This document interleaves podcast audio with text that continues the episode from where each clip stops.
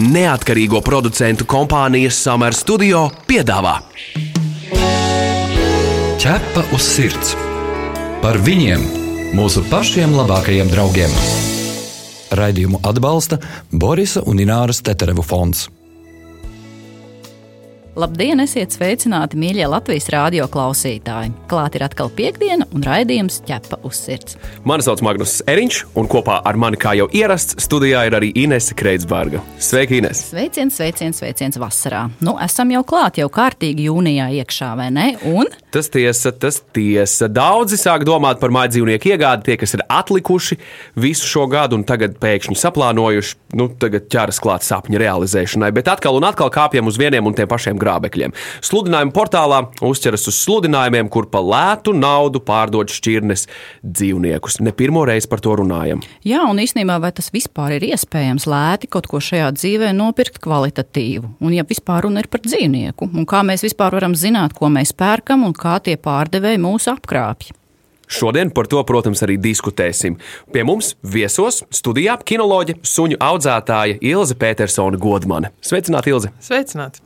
Bet pirms sākam mūsu diskusiju, noklausīsimies mūsu kolēģis Jānis Vītoliņas sagatavoto sižetu. Ķepa uz sirds skaidro faktus. Sludinājums. Pārdod franču buldoga kucēnus ar dokumentiem. Cena 700 eiro. Sakiet, ciltsraksti ir viņiem?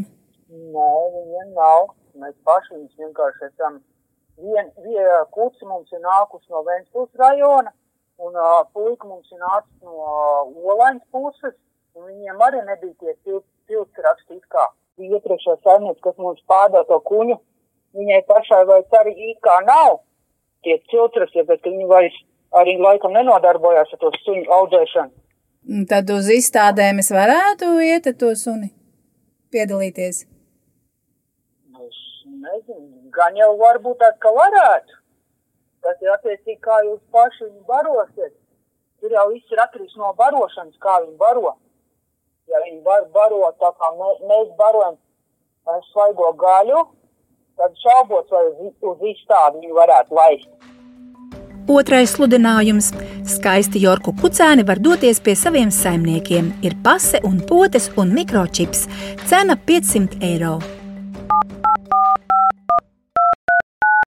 Kas viņam ir tie vecāki? Mm, Kādā nozīmē jūs domājat? Nē, nu kā viņi ir audzēti, ar ko viņi ir pāroti, kas ar ko. Nu, tur ir rakstīts Yorkshire terjeri. Viņiem nav, nevar būt ciltsraksts, tāpēc, ka, lai būtu sunītim ciltsraksti, viņi ir pirms notiek pārošana, sunītim ir jāaiziet tur noteiktas izstādes, vairākas, e, puisītim arī jābūt ar tādiem pašiem izstāžu vērtējumiem. Un vēl viens sludinājums. Pārdod Labradoru kucēnus vienu mēnesi vecus par 700 eiro.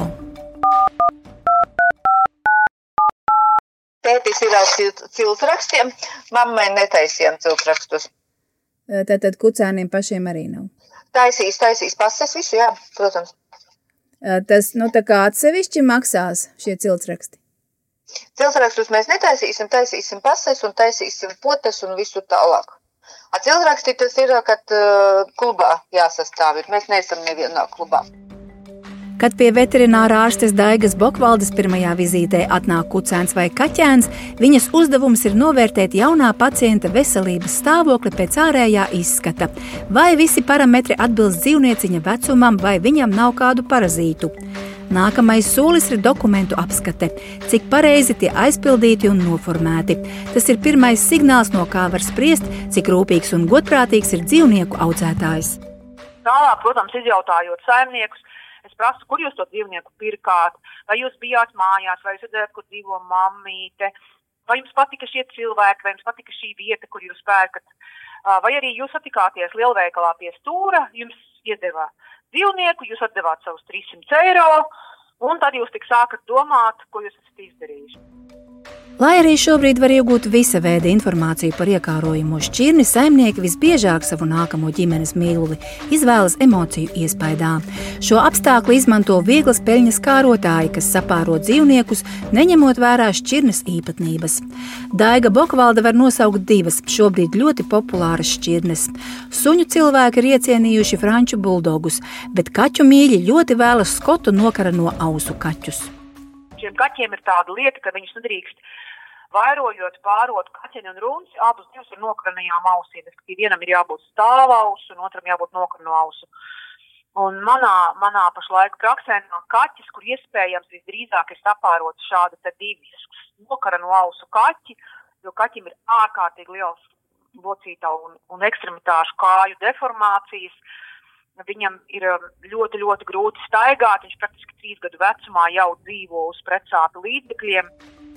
Arī franču buldogus ārste raksturo kā sarežģītu šķirni jau pašu par sevi. Tādēļ, ja saimnieks iegādājies sunīti pie neapzinīga un pavirša audzētāja, veselības problēmas suņa dzīves laikā ir neizbēgamas. Viņu lielākā problēma, protams, tas, ka viņiem ir ļoti liela noslēdz uz alerģijām. Bērnībā viņi sākās kā barības alerģijas un pēc tam pārauga atopiskajā dermatītā. Un otrā ārkārtīgi, ārkārtīgi lielā problēma ir šīs augstceļa problēmas kad uh, viņiem ir šausmas nāsas, viņiem ir liels mīkstās augstslējas, un tikko gaisa temperatūra paaugstinās ar 20 grādiem, viņi praktiski nevar paiet.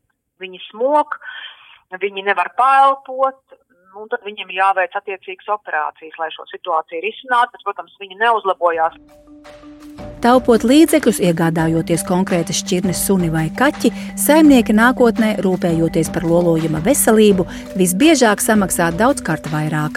Turklāt, saprotot, ka nopirkuši vārda vistiešākajā nozīmē kaķi maisā, saimniekiem parasti ir divas atbildes. Tas, ko viņi man bieži vien saka, nu, ka viņi saka, jā, nu, kad mēs nopirkām, mēs izlasījām un sapratām, nu, nebija labi tā darīt. Viena daļa, otra daļa viņi saka, varbūt mums paveiksies un nebūs tik traki.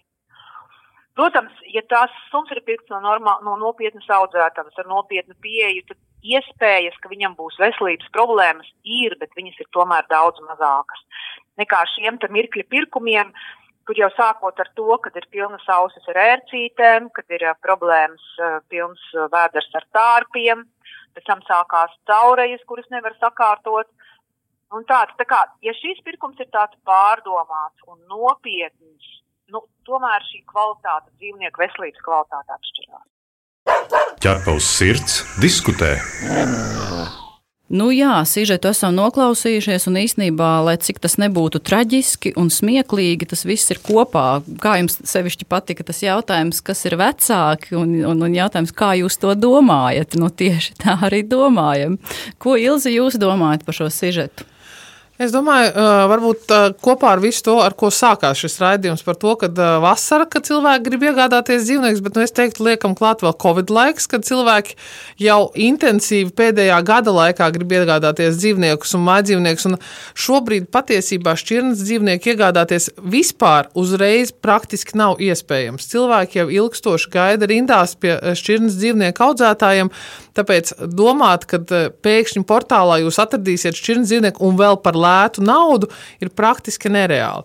Eh, bet, eh, ja mēs runājam par to, kas bija sižetā, nu, diemžēl tā ir bieži vien ikdiena. Arī man, kā suņu audzētāja, arī man tā ir ikdiena, kad ir cilvēki, kas atrod mani, piemēram, Facebook vai, vai Messengerā un raksta. Tā arī raksta, ka man nav nekāda svarīga ciltsraksti, eh, nav nekādu svarīgu arī veselības pārbaudas. Galvenais, mums mēs gribam sunīti. Nu, tad, eh, tas, protams, ir dažreiz man arī grūti tā vienkārši atbildēt. Nu, man nav tādu sunīšu uz redzēšanos, un tad, jau, protams, arī es sāku gari un plaši aprakstīt, un kad, nu, cik tas tomēr ir pirmkārt aizskaroši man kā dzīvnieku eh, suņu audzētājai, ka tas darbs, ko mēs ieguldam, lai maksimāli censtos radīt veselus šķirnei ļoti labi atbilstošus dzīvniekus, pasaka, ka nu, tas vienkārši viss nav svarīgi un nav vajadzīgi. Galvenais, lai tas dzīvnieks maksā 400 eiro. Pieņemsim, ja? bet arī šobrīd pat arī tādu cenu vairs nav. Jo šobrīd arī pat tās eh, tie cilvēki, kas nesastāv nekādos reģistrētos klubos un audzētavās, eh, nekādās organizācijās jau tirgo savus it kā šķirnes dzīvniekus par 1000 eiro un dārgāk, un neuzjūt par to nekādas problēmas. Bet cik tas skaisti izklausās, vai ne? Pārdod ar dokumentiem. Principā melots jau nav, bet tā ir pircēja problēma. Vajag precizēt, kas tie ir par dokumentiem, vai ne? Tieši tā, jo, protams, arī uh, dokumenti, domāju, tā pamata pakete iespējams arī tiek dota līdzi gandrīz katram šobrīd, kas ir tomēr uh, vakcinācijas uh, apliecinājums un šī maidzīvnieku lolījuma dzīvnieka pase, bet nu, tas ir tikai dokuments, ko var saņemt jebkurš dzīvnieks vienu reizi dodoties pie veterinārā ārsta un saņemot vakcīnu. Nākošais tātad ir jautājumi par dokumentiem par izcelsmi. Un tur mēs, kā jūs teicāt, melots nav. Jebkuri ciltsraksti, vai mēs ar jums šeit studijā kopā trietā izveidojam izveidojam klubu, nosaucam viņu par ķepu uz sirds klubu beig beigās, ja, un sākam drukāt ciltsrakstus un sakam, jā, mums ir zināma māte, tā būs, nu, vienalga salija, tēvs būs Riko, un arī tur būs iekšā sunim vārds, un tie būs arī ciltsraksti. Jautājums, cik mēs šim dokumentam uzticamies un kāda tam vispār ir jēga. Un tad jau mēs nonākam pie tā, ar ko atšķirās ciltsraksts, ko izdod, teiksim, Latvijas Kinoloģijas federācija, kurā ir vairāk kā 3000 biedru un ciltsraksti ir izsakojami līdz pat 1970. gadu beigām, beidzot ar organizācijām, kurās varbūt ir apvienojušies divi, trīs vai četri cilvēki, un kuri izdod uh, ciltsrakstus vienkārši nodrukā mājās uz datora, nu, katram konkrētam gadījumam. Ok, tad iesim, kā saka, soli pa solim. Tātad eh, par to veterināro pasu ir skaidrs. To dod visiem suņiem, ja un kaķiem neatkarīgi no šķirnes, bet nekādā gadījumā nepaļaujamies uz to, kas ir rakstīts šajā veterinārajā pasē. Tur var būt rakstīts pilnīgi, pilnīgi jebkas, un tas to šķirni neapliecina. Varbūt mēs varētu noskaidrot, ko tautas valodā nozīmē cilts raksti, kāpēc tos vajag pieprasīt, arī ja saimnieku uz izstādēm ne, neiet, tā kā neiet pat plānots.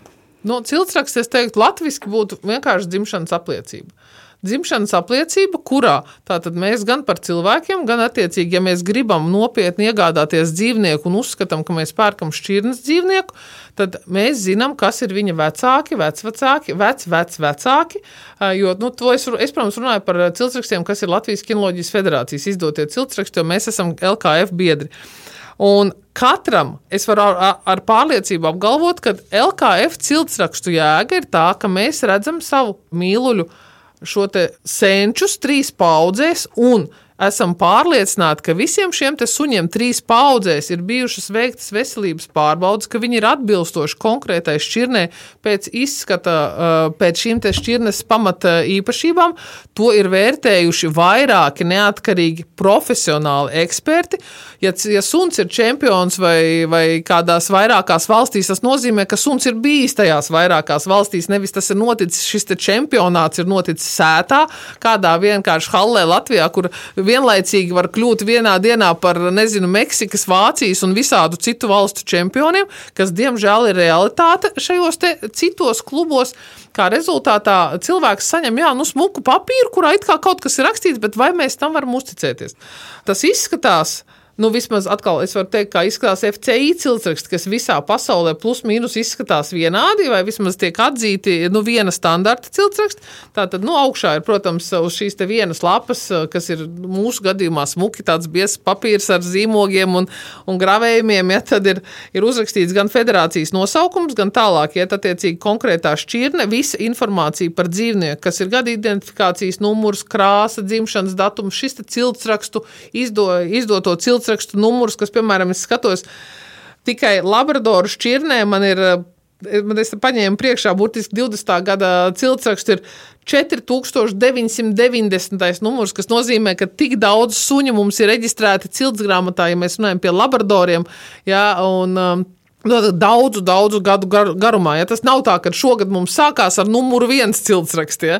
Tātad visi šie te, teiksim, FCI ciltsraksti iet tā, uzskaiti iet cauri gadiem, un, un viņi nekur nepazūd. Pēc tam tālāk iet informācija gan par šiem vecākiem, gan par audzētāju, un arī pie katra no vecākiem ciltsrakstos trīs paudzēs ir rakstīti gan viņa krāsa, dzimšanas datums, iegūtie, piemēram, tituli un arī veselības pārbaudas. Vai jums ir nācies saskarties ar to, ka ģimene saprot, ka viņi nevēlas vairs šo dzīvnieku? Man gribētu domāt, ka atbildīgs audzētājs vai nu atpērk vai kādā citā veidā nokārto formalitātes, lai dzīvnieks atrastu jaunas mājas. Vai jums ir komentārs par šo? Precīzi. Es domāju, ka tas ir arī viens no tādiem tiešām atbildīga audzētāja tādiem kvalitātes rādītājiem. Man visos manos dokumentos, ko es parakstu ar saviem jaunajiem uh, kucēnu īpašniekiem, šis punkts ir uzrakstīts rakstveidā. Tas ir viens no tiem punktiem, ja tā liekas, nu, uh, kas tur lasa līgumus, ka mēs īpaši pievēršam uzmanību cilvēkiem, ka viņi paraksta to, ka gadījumā, ja Ja viņi uzskata, ka viņiem suns vairs nav vajadzīgs, nepatīk, netiek galā, bet beigu beigās ģimenē ir tiešām ir kaut kādas ārkārtas situācijas, kas var novest pie tā, ka viņi būtu meklējuši šim sunim jaunas mājas, kad man ir šīs pirmās rokas tiesības, un sunim mājas ir tur, kur viņš ir piedzimis, tātad manā audzētavā. Kādai būtu jābūt tai vidē atmosfērai tajā vietā, kur šis dzīvnieks tiek audzināts? Jo ir ļoti daudzas, um, nu, tie saucamie sarkanās lampiņas, jā, ka piedāvā, piemēram, pievest klāt mēs arī sludinājumos varam lasīt, ka pieved kucēnu vai kaķēnu uz mājām, nu, kā ēdienu piegāde gluži. Jā. Tā kā tas jau vien ir aizdomīgi, tad principā jāredz, um, kā izskatās šis dzīvnieks uz vietas, kas vēl būtu jāzina. Nu, pirmkārt, jau, protams, tie apstākļi tiešām kādā dzīvniekā atrodas, jā, vai tā ir, cik tīra ir tā vide nevienmēr cilvēki dzīvo tur privāti mājās vai, vai kādos lielos, vai tur ir kāda liela voliera, taču tam vidē, kurā aug kucēns, viņam ir jābūt tīram, viņam ir jābūt ar, es teiktu, spīdīgu spalvu, viņam ir jābūt drošam, viņam ir jābūt eh, normāli barotam, viņam noteikti nebūtu jābūt vājam, kā viņš nu, fiziski, ka viņš izskatītos vājš, bailīgs nu, nenāktu klāt, jo arī socializācija un šis darbs arī ir tā daļa, ko mēs darām, lai sagatavotu suni jaunam šim dzīves posmam. Jo principā visas tās pamat suņa sociālās prasmes tiek ieliktas tajās pirmās 16 dzīves nedēļās. Tas nozīmē, ka vismaz astoņas no šīm nedēļām suns atrodas pie audzētāja.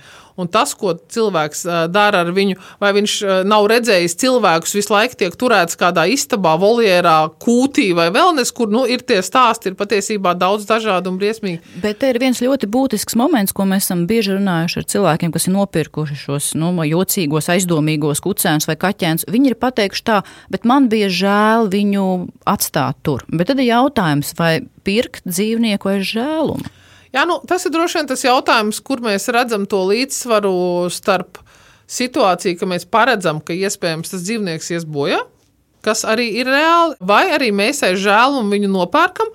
Rezultātā, ja viņš tiešām ir nu, tajā kategorijā aizdomīgie un, un tiešām tādi, kas ir atvesti kontrabandā, kas ir slimi, kas ir, nu, tur ir atkal ir vesela virkne šo variantu, tad mēs vienkārši palīdzam un atbalstam šos te cilvēkus, kam tas ir tīrs naudas rūpals, kuram vispār neinteresē ne, ne šo dzīvnieku, bet visstrakākais jau neinteresē arī šo dzīvnieku vecāku kvalitāti. Jo visdrīzāk tādiem uh, mazuļiem mātes tiek turētas būros, netiek laistas ārā, viņas turpat savās uh, izkārnījumos un urīnā pavada pusdzīvi, un tas, manuprāt, tie apstākļi ir vienkārši briesmīgi. Bet kamēr būs cilvēki, kas pirk šos kucēnus, tikmēr būs cilvēki, kas viņus ražos. Tu esi mans draugs, ķepus sirds. Atgādinām, ka mums studijā šodien ir kinoloģija un suņa audzētāja Ilze Petersone Godmane. Bet gadījumā, ja kaut kāda iemesla dēļ jums šobrīd ir jāpārtrauc klausīties Latvijas radio pirmais kanāls, tad ziniet, raidījumu ķēpus sirds varēsiet dzirdēt populārākajās straumēšanas vietnēs, kā arī Latvijas radio arhīvā. Ķepaus sirds, suņu būda! Nākamais jautājums, Ilze, jums saistībā ar sižetu. Mēs dzirdējām par atbildi saistībā ar kucēnu vecākiem un ciltsrakstiem. Māmai tie nav taisīti, tāpēc arī tādu nav. Nu, tā diezgan tāda atapīga atbilde, jo faktiski tā nozīmē, ka tā ir patērētāja maldināšana. Nu, ja mēs runājam par to, ka cilvēks it kā pērk vai pārdevējs it kā pārdod šķirnes tad noteikti jo šķirnes suņa šķirnību izcelsmi apliecina, kā jau es teicu, šī dzimšanas apliecība vai ciltsraksti. Un tā tad, piemēram, FCI sistēmā vai LKF sistēmā Latvijā tā tad nebūtu iespējams iegādāties suni, kuram vienam vecākam ir ciltsraksts un otram nav, jo pie vaislas darba tiek pielaisti tikai tādi dzīvnieki, kuri ir izpildījuši visas šīs kritērijas gan pēc veselības pārbaudēm, gan pēc izstāžu vērtējumiem, citām šķirnēm arī specifiskām darba pārbaudēm, un tikai tad viņi vispār drīkst nodarboties ar vaislu un attiecīgi automātiski saņemt ciltsrakstus, kā es teicu jau raidījuma sākumā. Tātad, ja ir stāsts par to, ka kādam no vecākiem ir, vai ta, tagad vēl ir, ir parasti klejo stāsti, nu, uh, ir vecāks, viens no vecākiem, viņam ir šie FCI ciltsraksti, nu, mātei tad ir nu, cita kāda kluba ciltsraksts, nu, tā kā jūs varētu domāt, ka pa pusē tas suns ir LKF vai FCI suns, bet, nu, teiksim, nu, tā īsti jau, protams, nav. Reāli, ja mēs skatāmies no juridiskā viedokļa, šis suns ir bezšķirnes suns. Tātad runājot par patērētāju maldināšanu, izrādās, ka mm, ar šo jautājumu var vērsties tikai un vienīgi pie valsts ieņēmumu dienestu, kuri noskaidros, vai konkrētajam pārdevējam vai pavairotājam vai audzētājam bija tiesības pārdot šo dzīvnieku, kā arī var vērsties valsts policijā. Valsts policija var uzsākt izmeklēšanu vai nav notikusi krāpniecība, bet ir viens ļoti svarīgs jautājums, ko arī atzīst šīs iestādes, ka cilvēkiem ir jāapliecina čeka kopija vai pirkuma apliecinājums. Bet bieži jau sanāk tie cilvēki skaidrā naudā kaut kur ir tā kā nopirkuši, un viņi nemaz nevar pierādīt šo pirkšanas faktu. Tagad cilvēkiem tomēr pirms iegādāties kaķēnu vai kucēnu, nu, ir tomēr šis darījums jāpliecina. Nevar tā vienkārši aploksnē iedot un pēc tam cerēt, ka taisnība uzvarēs. Runāsim par cilvēku psiholoģiju.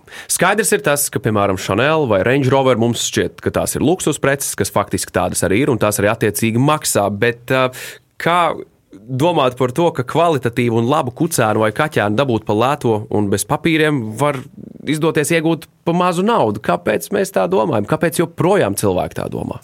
Es domāju, ka, protams, tas ir tāds agrāko laiku varbūt stereotips, kad ļoti maz runājām par to, ka suņu arī atkal šo te kucēnu un kaķēnu vecāku dzīves kvalitātei ir ļoti liela nozīme.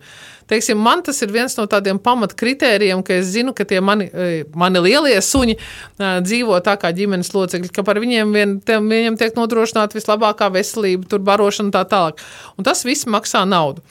Es domāju, ka vēl joprojām ir cilvēki, kuri e, uzskata, ka suņi piedzimst vienkārši kaut kur diviem suņiem sapārojoties, tas neko nemaksā. Kāda tur vēl ķeizari, kādas negulētas naktis, kādi bezalgas atvaļinājumi, kādi tur vēl īpašnieki, teiksim, audzētāju apmācības, mācības gada garumā. Viņi vienkārši neaizdomājas ne par ko to. Jo man ir arī cilvēki, kas uzdod konkrēti jautājumu, no kā veidojas jūsu, nu, viņi uzskata, ok, dārgā suņa cena. Un tad es viņam arī uzrakstu pretī, kas tad ir visi tie bloki, no kā viņi veidojas. Un es gribētu teikt, ka praktiski reti, kurš pēc tam saka, nē, man to sunu nevajag, tāpēc, ka viņš ir par dārgu. Ir cilvēki, kas tajā brīdī, kad viņi pajautā, ka nu, ir dārgi, ok, mēs meklēsim lētāk, nav jautājumu. Jā, bet uh, man ir prieks, ka ir cilvēki, kas tomēr tad vismaz pajautā, kāpēc viņš ir tomēr dārgs. Jā, bet te sanāk tāda situācija, cilvēki, piemēram, pa lēto nopērk kādas šķirnes suni, kas neizrādās šķirnes.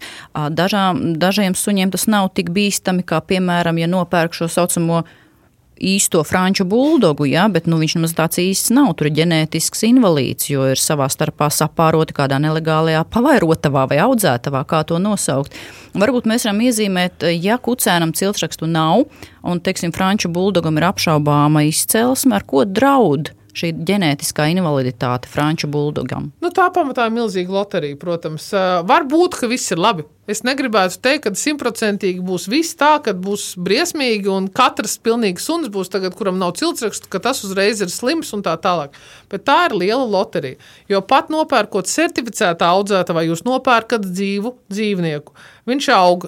Un es vienmēr saviem jauniem īpašniekiem saku, ka pus, vismaz puse no tā, kāds izaugs jūsu buldogs, ir tas, kā jūs pirmo gadu vai jūs ievērosiet to, ko es jums stāstu, tās specifiskās lietas, kas jums ir jādara vai jūs neievērosiet. Neievērosiet, jums atkal palielinās risks, ka jūsu suns būs vai nu beigās ar muguras problēmām, vai ar kādām citām problēmām, jo atkal katrai šķirnei ir šīs specifiskās lietas. Protams, mums ir jāņem vērā, ka, piemēram, frančiem ir šīs ģenētiski tiešām uh, sarežģītās problēmas, kas ir tā paša elpošana. Nevis tāpēc, ka tā ir problēma, nu, kā problēma visiem, bet uh, tāpēc, ka ja audzētājs tikai un vienīgi pāro sev mājās piedarošo suni un kuci, kura iespējams abiem diviem, piemēram, ir izoperētas augstlejas un nāsis, To nevar redzēt uzreiz, bet mēs skaidri saprotam, ka jaunajai paudzē tās visdrīzāk būs problēmas. Jā, bet noslēgumā es gribēju pajautāt, man vienmēr ir interesējuši tie dzīvnieki, kuri audzētājiem ir palikuši 4, 5, 6 mēnešu vecumā. Audzētājs bieži saka, tas, ka ai, pandēmijas laikā pircēji no ārzemēm pazuduši, jeb es esmu atstājis to sev kā pašu, pašu labāko, bet tas man liekas ir tomēr mazliet aizdomīgi, jo no vienas puses arī var domāt, ka neviens cits viņu nav gribējis. Vai tas tā varētu būt? Gan, gan. Es teiktu, ka atbildīgās un lielās audzētavās viennozīmīgi 4, 5, 6 mēnešu vecs kucēns ir tas, kas visdrīzāk ir atstāts sev. Jo, piemēram, franču bulldogam nevar divu mēnešu vecumā pateikt to, vai viņš būs, cik uh, perspektīvs vai neperspektīvs simtprocentīgi viņš būs. Un, ja mēs redzam tādu, e, ir kaut kāda pamatrādītāja, ja es redzu tos pamatrādītājus, ka tie ir perspektīvi, es viņu atstāju, un pēc tam tomēr skatos, viņš aug, tā galva neveidojas tā, kā es gribētu, žoklis tur neveidojas tā, kā es gribētu. Nu, nevis tā, kā es gribētu, bet tā, kā tas būtu uh, potenciāli ļoti uh, nu, šķirnīgi, tad es viņu noteikti arī sešos mēnešos pārdotu. Teiksim, seši mēneši tas ir tāds. Nu, līdz pat astoņiem mēnešiem. Bet ja tas ir tad, kad mēs runājam par tādām nopietnām audzētavām, tur, kur tiešām tas tā ir. Vai pie individuāli kāda viena audzētāja, nu, kura mājās varbūt ir divi suņi vispār, ja, un uh, ka viņš saka, nu, ka viņš to ir atstājis kā labāko sev. Nu, Nezinu. Jā, man būtu grūti par to spriest, bet es teiktu, ka lielajām reputācijā audzētavām vecāku suņu iegāde ir tikai norma. Ārzemēs tas pilnīgi noteikti ir normāli. Un ārzemēs ir arī šī otra puse, kad lielās audzētavas netur sev 20, 30, 40 suņus. Tāpēc, kad teiksim, viņi visi ir pie viņiem dzimuši vai, vai nopirkti, ja, viņi rada labus šķirnes pārstāvis. Viņus ļauj teiksim, piedzemdēt sunim vienu, divas reizes. Nu, cik konkrētajā varbūt valstī tas ir interesanti. Un pēc tam arī šos 4, 5 gadu vecumā suņus, kuriem vēl ir jādzīvo 10 gadi, viņi dod iespēju viņam dzīvot nevis audzētavā, bet savā ģimenē. Jo, uh, lai tiešām nav tā ilūzija, ka audzētava, ka tas ir tikai tā, ka visi suņi guļ jums mājās, divānos un, nu, un bauda tikai nu, tā, ka visi jūs tur barā staigājat, un jums tur staigā pakaļ 30 Jā, bet tas suņi. ir arī cits jautājums, jo, piemēram, dažkārt ņemot no ārzemēm 4, 5 vai pat 6 mēnešus jaunu suni, viņam jau varētu būt socializācijas problēmas. Ja, cilvēki, ja teiksim, cilvēki nav strādājuši, audzētāji ar šo dzīvnieku, tas suns, piemēram, var būt bailīgs. Jā, ir tas otra. ir jautājums pilnīgi noteikti, bet es domāju, ka tas tieši noteikti nebūs tas gadījums, ja jūs ņemsiet tādu suni, kas ir atstāts priekš sevis. Ja, kā audzētājs jums saka, à, jo tas būtu tieši pretēji. Audzētājs es teiktu, ka kāpēc ārzemēs katru mēnesi, jo arī mēs runājam ar kolēģiem ārzemēs, ja, katru mēnesi suns, kas paliek pie audzētavā, kā potenciāli perspektīvas suns, kļūst ar pa 100 savu eiro dārgāks. Tāpēc ārzemēs cenas ir nu, nesalīdzināmāk vēl lielākas nekā Latvijā. Katrs mēnesis, ko suns dzīvo audzētavā, nāk klāt viņa cenai, jo suns tiek barots, viņš tiek socializēts, viņš tiek ārstēts, viņam tiek nodrošināta visa, teiksim, ar viņu tiek veikts darbs, lai tad, ja viņš aiziet mājās gada, piemēram, vecumā, tas būtu pieaudzis uzreiz spējīgs ierakstīties jaunajā ģimenē suns. Mēs atkal, protams, ir atšķirības šķirnēs. Ja, viens ir kompāņu sunīši, un otrs ir, pieņemsim, nezinu, lieli darba suņi ja, no, no citām šķirnēm. Un tur droši vien tā specifika atkal ir cita. Visur kopā - ķepus sirds. Jā, nu, šī saruna mums lika arī ļoti daudz ko pārdomāt, ko mēs Magnus no tā varam secināt. Īstenībā, ka liela laimes spēle un loterija ir faktiski iegūt šķirnes dzīvnieku.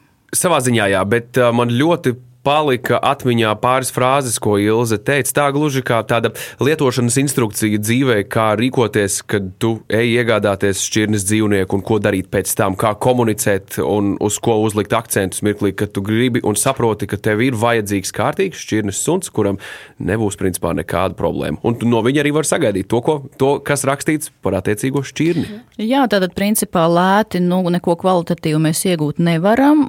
Tas ir viens. Ciltsraksts ir jā jāprasa, lai vispār būtu apliecinājums tam, ka jūs pērkat šķirnes dzīvnieku, bet pats pats galvenais tomēr cilvēkiem ir nu, ieteikums klausīties savai intuīcijai. Jo bieži cilvēki saka, man jau likās, nu kaut kas tur nebija, nu, bet taču nē, nu iet un iet un paņem. Tomēr īstenībā nu, tā intuīcija mums tomēr ir vislabākais, kas pasaka priekšā. Paldies Ilzei. Ilze Paldies. Petersone Godmane šodien studijā pie mums bija. Bet, nu, Magnus, ko mēs dzirdēsim nākamnedēļ? Nākamajā raidījumā mēs klausīsimies un runāsim par pirmo palīdzību dzīvniekiem. Un Ko darīt, ja mūsu suns vai kaķis vasaras karstumā, piemēram, sastopas ar negaidītu ienaidnieku, insektu vai kādu indīgu augu? Kam jābūt mūsu aptieciņā šādiem gadījumiem, un kāpēc vasara ir bīstamākais gada laiks mūsu mīluļiem? Nepalaidiet garām nākamās nedēļas raidījumu. Jā, bet tas arī šajā raidījumā ir viss. Mani sauc Inese Kreitsberga. Mani sauc Magnus Eriņš. Raidījumu veido neatkarīgo producentu kompānija Summer Studio. Visu labu! Atā! Ķepa uz sirds! Informatīvi izglītojoši raidījums par dzīvnieku pasauli un cilvēkiem tajā. Raidījumu atbalsta Borisa un Ināras Teterevu fonds.